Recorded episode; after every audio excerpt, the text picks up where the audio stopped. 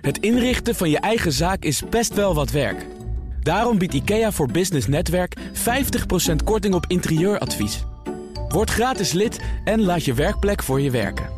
IKEA, een wereld aan ideeën. Bezorgers van Deliveroo zijn volgens de rechter geen ZZP'ers. En John de Mol kaapt talenten weg bij zijn grootste concurrent. Daarover praten we met het uh, ondernemerspanel bestaande uit Arco van Brakel, de CEO van het Semco Staal Instituut, Johan van Meel van Peak Capital en mijn zakenpartner van vandaag, Elske Doets, eigenaar en directeur van Jan Doets Amerika Tours. Welkom, geachte panelleden.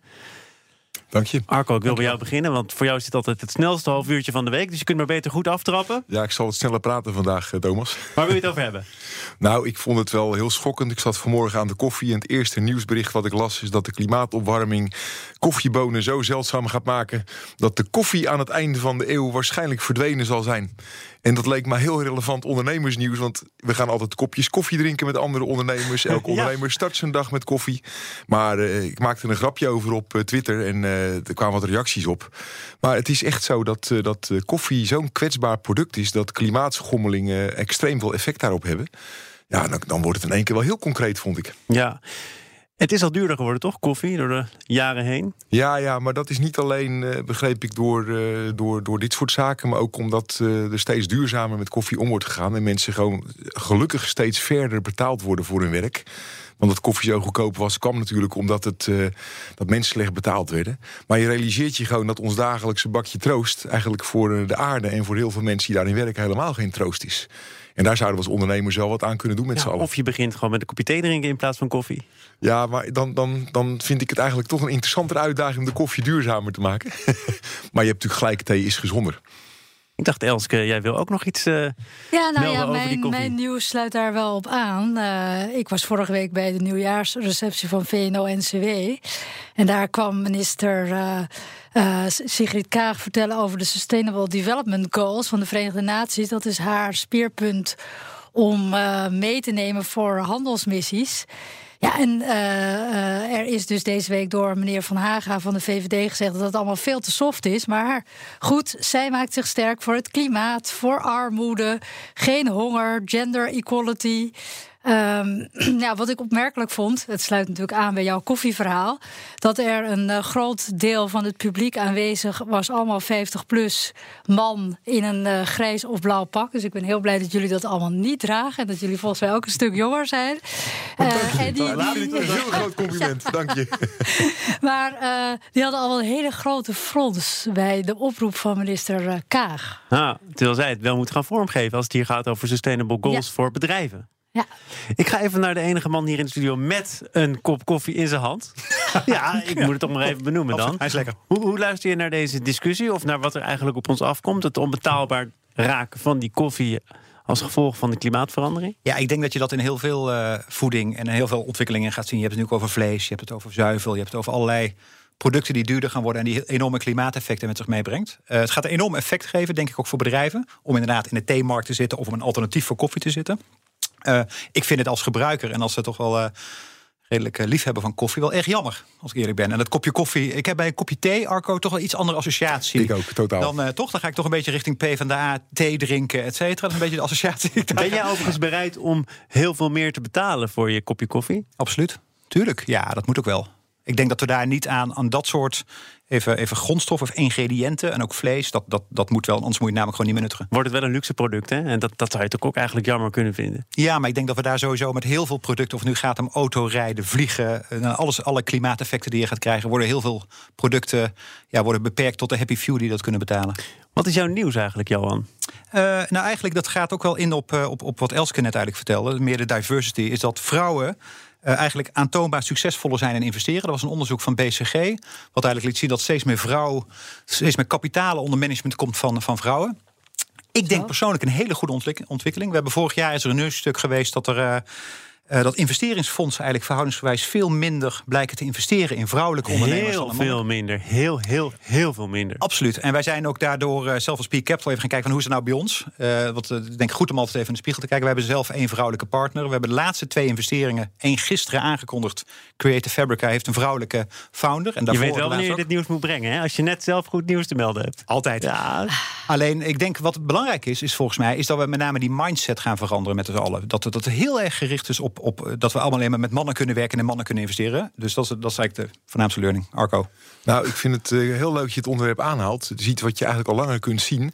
Wat je ziet is dat steeds meer bedrijven eigenlijk zich realiseren dat je goed voor elkaar en voor de planeet moet zorgen om succesvol te kunnen zijn. Mm om dat goed te kunnen doen heb je eigenlijk toch wat meer uh, zachte elementen in het leiderschap nodig. Eh, zoals kennis delen, uh, vertrouwen geven. En daarin zijn vrouwen eigenlijk van nature, is mijn indruk, wat beter dan mannen. Dus het zijn wat zachtere feminine kwaliteiten die in de bedrijven van de toekomst belangrijker zijn mhm. dan het macho gedrag wat tot toch vaak wat perverse groeimodellen leidt. Kijk even naar de vrouw naast je, want die heb ik inmiddels ja, ik zien trekken. Zeg maar. Ik moet er een beetje om lachen, want ik was gisteren een lezing aan het geven bij de Universiteit van Amsterdam voor hoogleraren, allemaal vrouwelijke hoogleraren.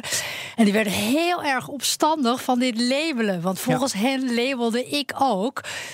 En het gaat erom dat jij en ik, of welke seks wij ook mogen zijn, of genderneutraal, dat we allemaal verschillende energie in ons hebben. Precies. Dus jij hebt die zachte kant ook.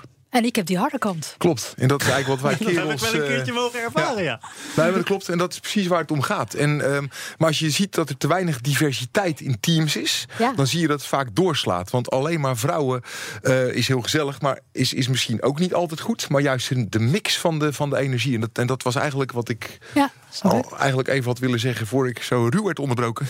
Ja, ja, goed. Ik denk, we geven ook de vrouw hier in ons midden dan maar even het woord. We gaan praten over de bezorgers van Deliveroo. Want dat zijn geen ZZP'ers, maar ze moeten volgens de CAO worden betaald. Heeft de rechtbank geoordeeld in twee zaken die de vakbond FNW had aangespannen. Overigens weer in tegenspraak met het oordeel van een eerdere rechter. Maar uh, het gaat erom, is dat werk nu echt aanzienlijk flexibeler geworden? Waar Deliveroo zich achter schaart, achter dat standpunt... waardoor je ze niet meer volgens een CAO zou moeten betalen. Maar de rechter zegt nu, nee, eigenlijk is er wezenlijk niet zoveel veranderd aan dat werk. En daar hoort dan dus bij dat je volgens de CAO... via een vaste arbeidsovereenkomst wordt betaald. Johan, wat denk jij als je dit zo hoort? Ja, ik vond het heel interessant nieuws. Want wij uh, investeren met name in platformen. Dus voor ons heeft dit een enorm effect. Uh, ik denk dat dit echt een ontwikkeling is die we vaker gaan zien. Dat zie je ook bij uh, algemeen, algemeen bij marktplaatsen. Je had eerst brede marktplaatsen en toen steeds meer gedesficeerder. Toen volgens on-demand. En nu gaat het heel erg om services. En services heb je mensen voor nodig. Dus heb je salaris voor nodig. En dan zie je vaak dat de ondernemer die wil dat het per stuk betaald wordt. En de medewerker wil dat hij gewoon per uur betaald wordt. En ik denk dat het eigenlijk alleen maar toe leidt dat je steeds meer gecontroleerde marktplaatsen gaat krijgen. Dus je ziet bijvoorbeeld in Zweden al, vond ik wel een interessante, dat daar Uber Eats bijvoorbeeld samenwerkt met uh, echte FNV, de lokale FNV in Zweden. Hmm. Je ziet in Nederland dat de FNV bijvoorbeeld samenwerkt met een platform zoals Temper. Ook om eigenlijk hieraan tegemoet te komen. Dus ik denk dat dit eigenlijk een volgende ontwikkeling is van marktplaatsen. Die uiteindelijk gewoon veel kansen betekent. Maar wat wel het landschap van met name stuklevering, dus bezorgen, maaltijden, pakketjes, et cetera, wel fors gaat veranderen. Ja, het, heeft natuurlijk een aantal aspecten, deze discussie. Enerzijds natuurlijk, wat, wat is de wet? En daar kijkt een rechter naar. En um, ja, ik denk inderdaad dat de wet inderdaad wel, wel, wel duidelijk is... in wat ondernemerschap is in Nederland. Um, en dat betekent dat je jezelf je eigen tijd kan indelen. Dat je, maar ook dat je dus inderdaad, dat er geen gezagsverhouding is. Um, ja, en dat is natuurlijk heel erg lastig... als je een pakketje op een bepaalde tijd bezorgd moet worden... op een bepaald adres en je doet het een opdracht van... en het ook nog je ene opdrachtgever... dan ben je niet echt ondernemer. Tegelijkertijd is er een ander element in... dat die arbeidsmarkt nu eenmaal flexibiliseert... en dat onze definities van ZZP'er zijn of op de payroll staan eigenlijk niet passen bij waar de arbeidsmarkt en heen gaat. En de wet loopt natuurlijk altijd achter op de praktijk. Maar wat, wat ik belangrijk uh, vind om even aan jullie te vragen is hoe disruptief zijn nou al die diensten? Want er zijn ook critici die zeggen nee, er zit niks disruptiefs achter. Deze platforms hebben nu vrij spel omdat er nog geen goede wetgeving is. Het is een race naar de bodem. Het gaat puur om prijs. Maar als je nou kijkt of er nou echt spectaculaire technologie achter zit of een geweldig nieuw idee, dat is niet aan de orde. Nou, daar ben ik niet met je eens, Thomas. Ik denk als je kijkt dat wat Uber... Wel, je investeert erin. ik denk als je kijkt wat Uber ons heeft gebracht... even los van even allerlei ontwikkelingen, et cetera... maar wat Uber voor mij als consument heeft gebracht... vanuit consument geredeneerd... dat heeft ervoor gezorgd dat ik gewoon veel meer een taxi pak... Want normaal deed ik dat nooit naar wat ervaringen met vervelende TCA-chauffeurs. En dus met andere woorden, dat ik steeds meer dat kanaal zul je dit, middel gaan gebruiken om van A naar B te komen. En ik denk dat ze dat echt wel hebben laten zien. Dat zie je ook in de, in de waarde die je toevoegt economisch. Dat zie je ook in het feit dat mensen die inderdaad gewoon normaal een baan hebben... en door stijgende prijzen en doordat ze dingen niet meer kunnen betalen... koffie werd al duurder, werd net al toch een tweede inkomen moeten hebben... en door dit soort platformen het mogelijk maakt. Dus ik, nee, daar ben ik niet met je eens.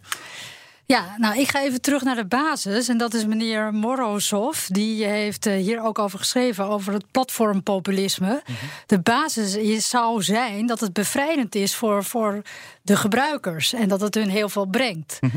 Maar de situatie nu na een aantal jaren is dat een Uber en ook een Airbnb gewoon keihard winst moeten gaan maken. En dat ze investeerders nodig hebben, zoals jij misschien. Mhm. Dus dat eigenlijk uh, het doel waar, waar, waarmee het is begonnen al lang voorbij geschoten is. Mhm. Ja, ik, ik, denk dat het doel van al die, dat soort bedrijven van begin af aan winst te maken is. Want dat immers waarom deze bedrijven eigenlijk op deze aarde zijn. Alleen dat ze het inderdaad heel goed packagen naar een on-demand economie waar je je geld kan verdienen en je huis kan verhuren, et cetera. Maar ik denk dat ieder doel van een bedrijf. Het enige waar ik het mee eens ben wel, is dat dit natuurlijk wel maatschappelijke frictie gaat opleveren. Dus en dat zie je natuurlijk met Airbnb. Ik woon in het centrum van Amsterdam. Hoeveel rolkoffertjes ik voorbij zien krijgen. En dronken Engelsen bij ons in de, het huis naast me zaten. En hoeveel jouw huis in waarde is gestegen ook waarschijnlijk. Exact absoluut. Ja. het, heeft ook hele positieve effecten, die platformeconomie. Uh, wij hebben het met ons bedrijf ook veel over, over dit onderwerp. Um, en het, wat je eigenlijk ziet, is dat er een hele nieuwe economische orde heeft geschapen. Mhm. Zonder YouTube, wat eigenlijk ook een platform is, waren er geen YouTubers geweest. Uh, Airbnb maakt in één keer voor iedereen mogelijk om in het toerisme zijn geld te verdienen. Dus het heeft hele mooie. En je kan zomaar. Niet voor iedereen, hè? eigenlijk alleen maar voor de mensen die een huis bezitten. Ja, oké, maar dat zijn er veel. dat zijn er veel. Dat maar vroeger niet. En daarmee zou je ook kunnen zeggen, die scheiding tussen de haves en de have-nots wordt wel groter. Eigenlijk ook wat, wat Johan zegt. Ja, maar dat, is ook wat zegt. Ja, maar dat is sowieso natuurlijk een probleem dat de middenklasse eigenlijk verdwijnt. En daar heb ik ook niet onmiddellijk een oplossing voor Ik dacht, we, we nodigen jou uit voor het ondernemerspanel. Jij presenteert een uh, panklare oplossing. Maar... ja, nee, vandaag uh, niet. Uh, de volgende keer weer, Thomas. En we gaan praten over John de Mol, die SBS nieuw leven wil inblazen. En daarom ook maar begonnen is met het wegkapen van boegbeelden van RTL kreeg hier in de reclame al een klein beetje discussie over. Kun je nou concurrenten uh, bestelen, of in ieder geval hun, hun toppers weghalen voor je eigen bedrijf? En Arco, jij zei: Ik doe dat eigenlijk nooit. Nee, ik doe het liever niet. Nee, ik, vind, uh, ik hou er niet zo van om zo te werken. Maar wat ik veel interessanter vind dan dit... is eigenlijk het feit dat John de Mol eerst heeft aangeboden om samen te werken. En toen dat niet toen dat eigenlijk nul op het request kreeg vanuit RTL, toen heeft hij pas besloten, nou, dan ga ik zelf maar doen, dan ga ik ook snoeihard concurreren. Dan wordt het natuurlijk ook kan. Ja. maar het is jammer dat ze die uitgestoken hand niet hebben, hebben aangenomen, want we hadden het net in de pauze er ook over, dat het, uh, het medialandschap in een klein land als Nederland uh, eigenlijk te versnipperd is om goed te kunnen concurreren met de Netflix en de Googles van deze wereld. Dus de visie van, van John de Mol vind ik eigenlijk heel erg goed. Ja, dat wil zeggen, er blijft één groot bedrijf over en toevallig staat John de Mol aan het hoofd van het bedrijf. Ja, goed, dat, dat kan. Maar ik, en hij is eigenaar. Hij is eigenaar, ja. Maar ik, ik weet dat hij ook vaak open staat voor andere vormen van samenwerking. Je kan hele ondernemende deals maken met John de Mol. Dus volgens mij, ehm, volgens mij is het echt een denkfout. Heb jij wel eens een deal gesloten met John de Mol? Uh, bijna. Ja, maar dat is heel lang geleden. Maar is het bij meneer De Mol niet zo his way or the highway? Um, die indruk krijg ik wel namelijk als ik mensen ja. over hem lees en het boek over hem lees. Klinkt en dat is redelijk eenzijdig. Zo. Precies. Ja, ja en, dat, dat is misschien, en dat zit er misschien in de weg. Dus misschien moet hij, uh, moet hij het samenwerken nog wat verder tot kunst verheffen. om dit goed te kunnen maar, doen. Maar heel even, want ik snap dat het lang geleden is. Waar ging het toen over? Oh, dat was met Jambi. Wij, wij hebben ooit, uh, ooit met Jambi, het was een voorloper van YouTube, heb ik uh, in 99 opgericht samen met Adam Curry. En toen hebben we Big Brother ook daadwerkelijk online gezet. We vonden het zo gaaf dat we dat destijds gratis hebben gedaan. De hele dag, Big Brother. Online, ja, met een straalzender waarbij we vanuit ons pand in Amsterdam en een straalzender op de energiecentrale in Amsterdam zo precies het huis in Almere konden bereiken. En de verf bladderde van ons pand af waar de straalzender stond. Dus dan weet je een beetje. Maar dan deed je het dus al. Dat, dat, daar had je helemaal geen deal voor nodig, kennelijk. Uh, nee, we vonden het zo gaaf. Dat uh, we dachten, doen we gewoon. Dat kan nooit slecht van ons zijn. Nog even naar het uitgangspunt, namelijk dat John de Mol nu RTL-sterren naar zijn eigen stal haalt. Johan, dat is uh, jouw tactiek. Zo, zo, leek het een beetje te klinken net. Want concurrenten weghalen, of concurrenten, uh, mensen weghalen bij concurrenten, dat, dat, dat, doe je ook wel eens. Ja, dat, dat, kijk, als investeerder zeggen wij, een van onze learnings, je moet het key team versterken. Als je geld erin stopt, dan is het vaak goed om daar talent aan toe te voegen. En dat zijn vaak mensen op, zoals we het noemen, founder niveau. Vaak senior mensen. En de beste grond daarvoor is inderdaad goed te kijken bij de concurrenten. Want dan breng je een dubbele whammy breng je teweeg. Namelijk je verzwakt de concurrent en je versterkt er zelf. Ja. En ik vind nog daarnaast met Linda de Mol, ja, die neemt nog eens de eigen shows ook nog mee en de eigen publiek. Dat is gewoon echt een driedubbele whammy. Vind, ik, vind ik wel een ander verhaal, want dat is gewoon directe familie. Ja, die heeft altijd al gezegd, als hij belt, dan sta ik daarvoor open. Eens, alleen ik denk wel dat Linda en uh, John in hun relatie, die familiair is, natuurlijk ook dit zakelijk zullen bekijken, toch? Ik denk, ik zou wel eens een potje Monopoly tussen die twee willen zien. zou je mee willen doen? Absoluut. Elske, wanneer heb jij voor het laatst een concurrent verzwakt door iemand over te nemen? Nou, daar doe ik niet aan, want ik uh, pretendeer de top van de markt te zijn. Ja, jij, dus het, het gebeurt ieder, uh, eerder andersom. Ja, gebeurt het inderdaad andersom? Uh, maar goed, maar wat, wat, ik hierover wil zeggen, wat mij opvalt ten aanzien van de sterren die hij wegkaapt, dat dat natuurlijk wel allemaal 40-plussers zijn. En ik, als ik iets nieuws of iets groots weer neer zou willen zetten, mij natuurlijk zou richten op juist de jongeren. Die natuurlijk ook op een hele andere manier tv kijken. Dus komt het op mij over als een soort repeterend kunstje wat hij aan het doen is, meneer de Mol. Ja, is natuurlijk zo. Alleen eh, hij is natuurlijk zeg maar even ook met jong publiek eh, bezig. Hij heeft een aantal deals daarvoor gemaakt. Hij is dat dataplatform aan het opzetten. Het e-commerce platform erachter. Dus volgens mij doet hij dat ook wel. Maar je ziet natuurlijk nog steeds dat massa Nederland kijkt natuurlijk naar tv en die wil dit soort sterren zien. Dus ik kan me wel iets voorstellen. Ik vraag me af of het werkt. Ik kijk eigenlijk vrijwel nooit tv, dus mij zal hij niet mee bereiken. Maar... Gemiddeld nog bijna drie uur per dag, hè? Mensen ja, die tv kijken. Ja, ongelooflijk. Wie zijn die mensen? En de gemiddelde Nederlander zijn een vergrijzend land. Dus de gemiddelde Nederlander is niet per se jong. Dus de grootste doelgroep is ook 40 plus. Dus in die zin is het niet zo gek. Goed. We nog gaan, wel, uh, nog wel. Nog eventjes van onze eigen huiskamers... waar de televisie misschien wel aanstaat, misschien ook wel niet... naar Shadow, want Microsoft wil daar betaalbare woningen gaan bouwen... en trekt daar 500 miljoen dollar voor uit. Moet verlichting bieden voor een groeiende groep inwoners... met lage en gemiddelde inkomens... die zich geen woonruimte meer kunnen veroorloven.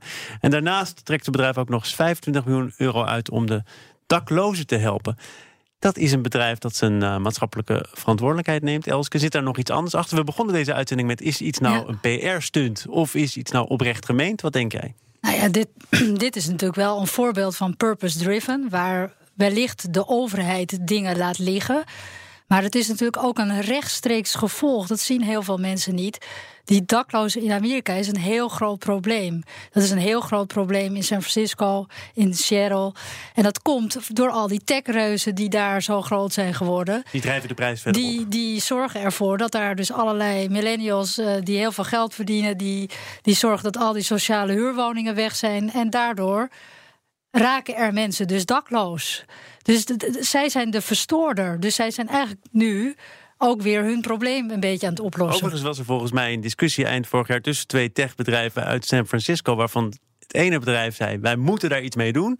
En de ander zei: nee, dat gaat via de overheid, verhoogde belastingen, maar, maar wij gaan dat niet zelf als bedrijf oplossen. Nee, maar ik, ik weet dus ook vanuit San Francisco, want dat is een groot probleem. Daar ligt op iedere straathoek een server. Ja, dakloze hoofdstad van de wereld wordt dat ook wel gezegd. En dat is natuurlijk wel schrijnend als je ziet dat daar ook al die grote bedrijven zitten. Precies. Uh, maar ik weet ook uh, vanuit de gemeente van San Francisco dat ze dus 80.000 dollar per dakloos investeren op jaarbasis. En dat is best wel veel geld. 80.000 uh, ja. dollar per jaar per dakloze. En wat gebeurt daar dan mee? Nou ja, uh, ze zeggen dan vervolgens maken die mensen het op aan hun verslaving. Nou, dus is het een soort vicieuze cirkel? Ja, ik, ik, ik zet ook mijn vraagtekens erbij. Maar het is, het, zeg maar, het, het is een soort vicieuze cirkel waarin uh, ze zitten. En uh, dat is niet goed. En als je dan Nederlanders daar naartoe stuurt, zoals ik... die hebben daar best wel last van, want die zijn dat niet gewend. Wij kennen dat niet in ons straatbeeld. Ja, het klopt wel. Het is in Amerika inderdaad zo dat er veel daklozen zijn ontstaan, in de, in de, vooral in de recente crisis. Um, ja, ik heb daar verder geen oordeel over hoe dat probleem opgelost moet worden. Maar ik vind een bedrijf als Microsoft dat zijn verantwoordelijkheid neemt om, uh, doordat die grote bedrijven die altijd goed betaald talent aantrekken, eigenlijk de woningen onbetaalbaar maken. Dat die een verantwoordelijkheid nemen om dat wat terug te dringen. Ja, dat vind ik gewoon heel erg goed. En ik vind dat Microsoft sowieso steeds vaker op deze manier positief het nieuws komt. En dat vind ik best wel een vermelding waard. Het is een bedrijf wat echt uh, meer dan andere techbedrijven zijn verantwoordelijkheid pakt. Ja. Ja, het bedrijf moet wel die verantwoordelijkheid pakken, omdat er eh, vanuit overheidswegen wel iets gebeurt, maar misschien wel te weinig. Waardoor de overheid ook gaat rekenen op grote bedrijven die dan hun eigen rommel opruimen. Of de rommel die ze voor een deel zelf uh, veroorzaken. Mhm. Is dat dan wel een wenselijke ontwikkeling? Hier heb je natuurlijk in Nederland ook. Hè? Oh, er wordt te weinig in cultuur geïnvesteerd. Weet je wat? We hopen dat er een mecenas is die toch nog zegt dat museum dat hou ik op eigen titel open. Mm Ja, ik, ik vind het. Het is een hele moeilijke discussie van wie is hier verantwoordelijk. Uh, de Amerikaanse markt is denk ik totaal anders dan de Nederlandse markt, waarbij een veel beter sociaal vangnet eigenlijk is. Ik vind Amerika ook wat dat betreft even als mens gewoon te hard. Ik vind het ook triest inderdaad als ik in San Francisco loop en al die mensen op straat zie liggen. Ik ben blij dat we dat in Nederland niet hebben. Ik ben ook blij dat in Nederland wat dat betreft die overheid wat meer ingrijpt. Dat is in tegenstelling toe ik als investeerder kijk, want dan wil ik alle vrijheid. Maar ik denk als consument zie ik dat wel. En ik denk ook, ik denk ook dat dat een plicht is van de overheid. En dat, dat, dat jammer dat je natuurlijk in Amerika die overheid die rol niet neemt. En eigenlijk al die verantwoordelijkheid bij die mensen neerlegt. Waardoor dit soort bedrijven die stap moeten maken. Ik zou het graag anders zien. Ik hoop niet dat we in Europa deze kant uitgaan. Ik verwacht het trouwens ook niet, eerlijk gezegd Gaan er andere bedrijven volgen, denk je? Microsoft laat nu zien wat zij doen. Ja, ik denk het wel. Kijk, als je, het moet ook wel. Als je ziet hoeveel cash bedrijven als Microsoft, Apple, Amazon, uh, Google op de bank hebben, um, wat sowieso niet rendeert, dan zou het ook nog wel zomaar kunnen zijn dat die goedkope woning ook nog een hele aardige investering zijn. Dus Zouden ze er zo naar gekeken hebben? Weet ik niet, maar ik denk dat het meest aan twee kanten kan snijden. En ze hebben aandeelhouders, dus ze moeten daar rekening mee houden. En ik weet bijvoorbeeld uh, uh, dat, dat in Amerika je als aandeel, je aandeelhouders op je nek kunt krijgen als directie als je te veel in de samenleving investeert, omdat het niet bijdraagt voor de aandeelhouder. Dus ik denk dat ze daar wel rekening mee houden. Maar dit, er zijn gewoon mogelijkheden om goed te doen en er ook nog een keer een goed rendement mee te halen. En die mogelijkheid hebben deze bedrijven bij uitstek. Elske, het eerste woord in deze uitzending was aan jou, het laatste ook. Ja. Of zou je willen zeggen, we zijn rond? Nou, ik, ik vind het heel, heel erg goed dat zij het doen. Maar ik denk dat het nog een druppel op de gloeiende plaat is. En um, dat het natuurlijk heel erg mooi is wat technologieën teweeg brengen, maar dat er dus ook een grote keerzijde aan zit. Ja. Daar wil ik mee afsluiten. En daar gaan wij een volgende keer dan over verder praten. Dank voor je komst de afgelopen twee uur. Mijn zakenpartner van vandaag, Elske Doets, eigenaar en directeur van Jan Doets Amerika Tours. Ook hier waren Arco van Brakel, de CEO van het Semco Staal Instituut... en Johan van Meel van Peak Capital. Tot maandag. Als ondernemer hoef je niet te besparen op je werkplek. Want IKEA voor Business Netwerk biedt korting op verschillende IKEA-producten. Word gratis lid en laat je werkplek voor je werken. IKEA, een wereld aan ideeën.